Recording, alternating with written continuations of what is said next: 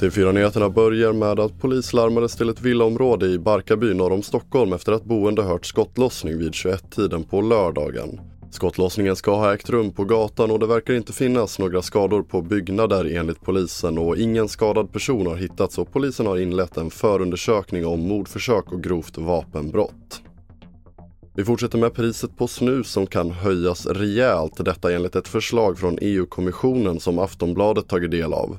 I dokumentet föreslås en ny punktbeskattning på tobak som kan höja priset på en dosa lösnus till 120 kronor, en ökning på drygt 60 kronor och priset på en dosa portionssnus kan öka med 34 kronor. Förslaget ska offentliggöras i början av december för att sedan diskuteras och beslutas av EUs medlemsstater, rapporterar Aftonbladet. Och på flera håll i Kina protesterade människor mot landets strikta covid-restriktioner på lördagen.